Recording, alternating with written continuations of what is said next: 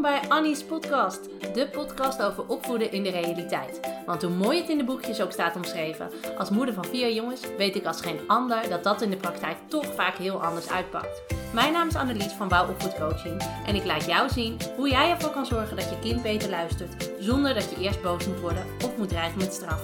Op een nuchtere, praktische, humoristische en realistische manier. Veel plezier met deze aflevering van Annie's podcast.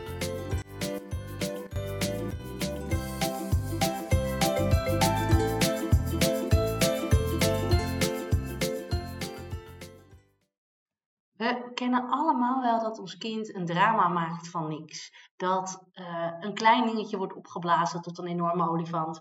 En dat je echt denkt, jemig, wat is nou eigenlijk het probleem? En wat je ook doet, wat je ook zegt om je kind uh, nou ja, hè, voor reden vatbaar te laten uh, zijn, het werkt eigenlijk allemaal niet. Dat verhaal herkennen heel veel mensen. Dus toen mijn klant, ik noemde even Irene, zo heet ze niet, maar voor de anonimiteit uh, uh, is dat wel zo fijn. Um, toen mijn klant Irene me deze vraag voorlegde, toen dacht ik, ja, eigenlijk moet ik dat ook even met jullie delen. Want um, ja, Irene is niet de enige die daar tegenaan liep. En ze appte mij, want dat mag hè, binnen mijn programma, kan iedereen appen. En uh, ik dacht, weet je, ik bel er even om te vertellen, wat doe je nou als je kind steeds maar moeilijkheden maakt die er eigenlijk niet zijn. En ze heeft geprobeerd begrip te tonen en al dat soort dingen. Maar ja, uh, ten eerste werkte het niet. En ten tweede had ze ook wel zoiets van: soms moeten dingen ook gewoon gebeuren. Nou, daarom in deze podcast: wat doe je als je kind overal een probleem van maakt? Als hij overal uh, een strijd over aangaat en dat soort dingen. Nou, wat ik Jolijn heb laten zien en wat ik jou ook graag wil laten zien, is dat het altijd belangrijk is om jezelf af te vragen Um, wie heeft er nu in dit geval een probleem? Is er daadwerkelijk iets aan de hand? Um, of is mijn kind vooral heel erg bezig om zijn zin te krijgen? En nou, wel de kleine kanttekening, dingen die voor ons heel klein zijn, um, die kunnen voor kinderen wel heel groot zijn. Hè? En die kunnen voor kinderen wel heel uh, heftig zijn. Dus die kanttekening moet je er even bij maken. Maar het helpt dus altijd als je jezelf de vraag afstelt: wie heeft er een probleem? En op het moment dat je kind een probleem heeft, is het ook eigenlijk de kunst om het probleem bij je kind te laten. Wat we vaak namelijk geneigd zijn om te doen, is heel erg in de oplosmodus te schieten. Wij willen graag die situatie voorbij uh, helpen, hè, want nee, het is gewoon niet fijn als je kind boos of zagrijnig uh, en dwars is. Dus dat proberen we zo snel mogelijk op te lossen. En dus gaan we allerlei oplossingen aandragen. Of we gaan zeggen dat het allemaal wel meevalt. Of we proberen ons kind te overtuigen van de reden waarom iets niet mag. Um, en wat er eigenlijk gebeurt is dat je kind alleen maar verder in de weerstand schiet. En um, wij heel hard aan het werk zijn om die boze bui op te lossen. Um, maar in de praktijk ja, blijft je kind dwars, blijft koppig en blijft uh, mekkeren, want hij krijgt gewoon niet wat hij wil. En um, het helpt dan altijd hè, om, om ervoor te zorgen dat het probleem van je kind niet bij jou neergelegd gaat worden. Want jij hebt eigenlijk helemaal geen probleem.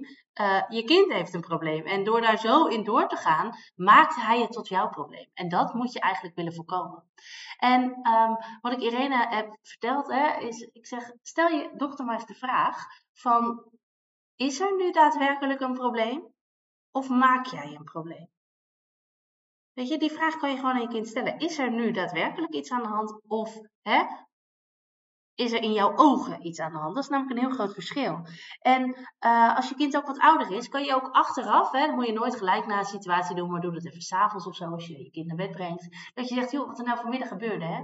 Hoe erg was dat nou eigenlijk echt? Als we dat, dat schalen op een schaal van 1 tot 10, waarbij een 1 staat voor het was uh, eigenlijk niks aan de hand. En een 10 staat voor het was het meest verschrikkelijke wat mij ooit is overkomen. Geef eens een cijfer. Um, hoe schaal je die situatie in?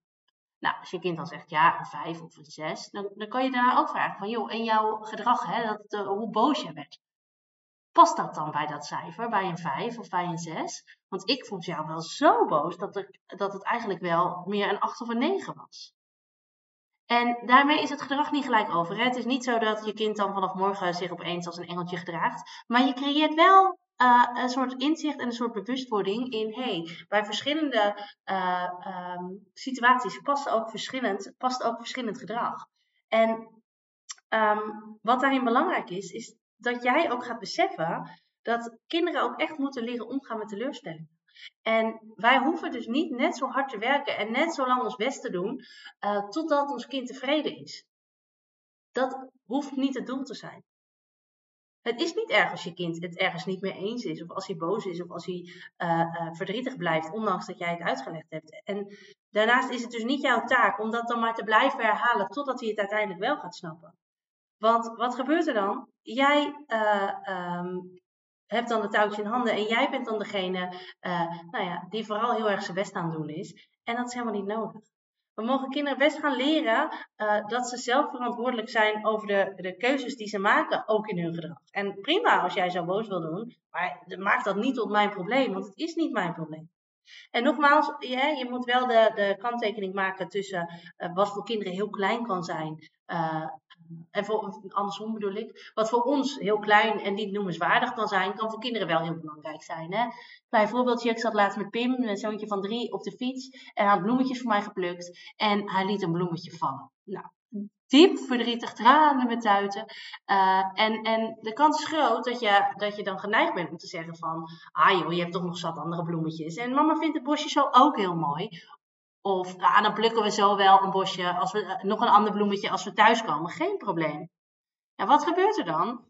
Weet je, wij denken, ja, boeiend. Of er nou dit madeliefje is of dat madeliefje. Ik bedoel, er zijn er 10.000 van.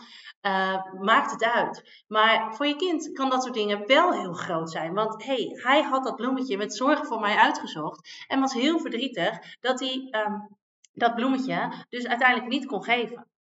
Dus dan helpt het ook als je daar even aandacht voor hebt. Door bijvoorbeeld te zeggen, je bent heel verdrietig hè, dat je, je had juist dat bloemetje zo mooi voor mama uitgezocht en nou is hij gevallen.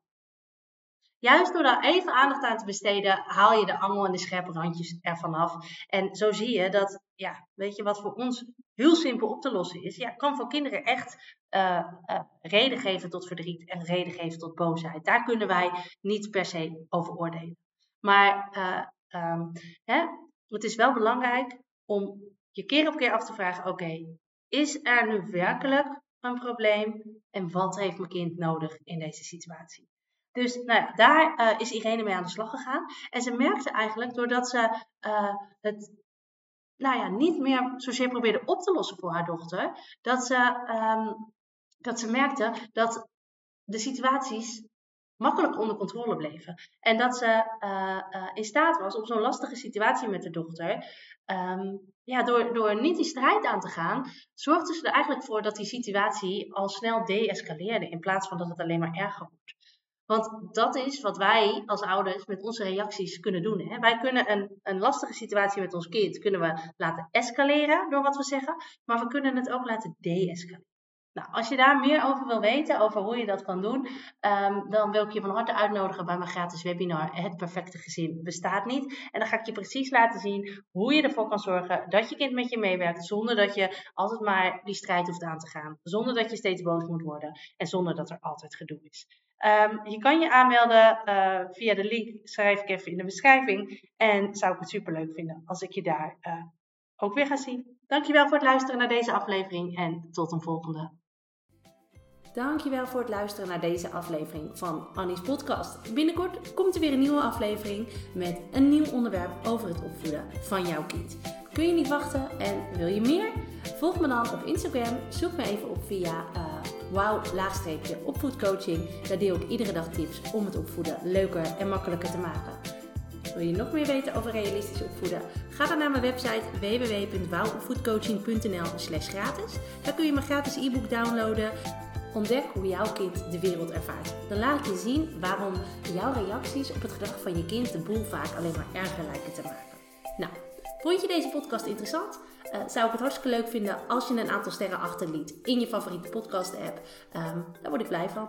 Ik spreek je in een volgende aflevering van Annie's podcast.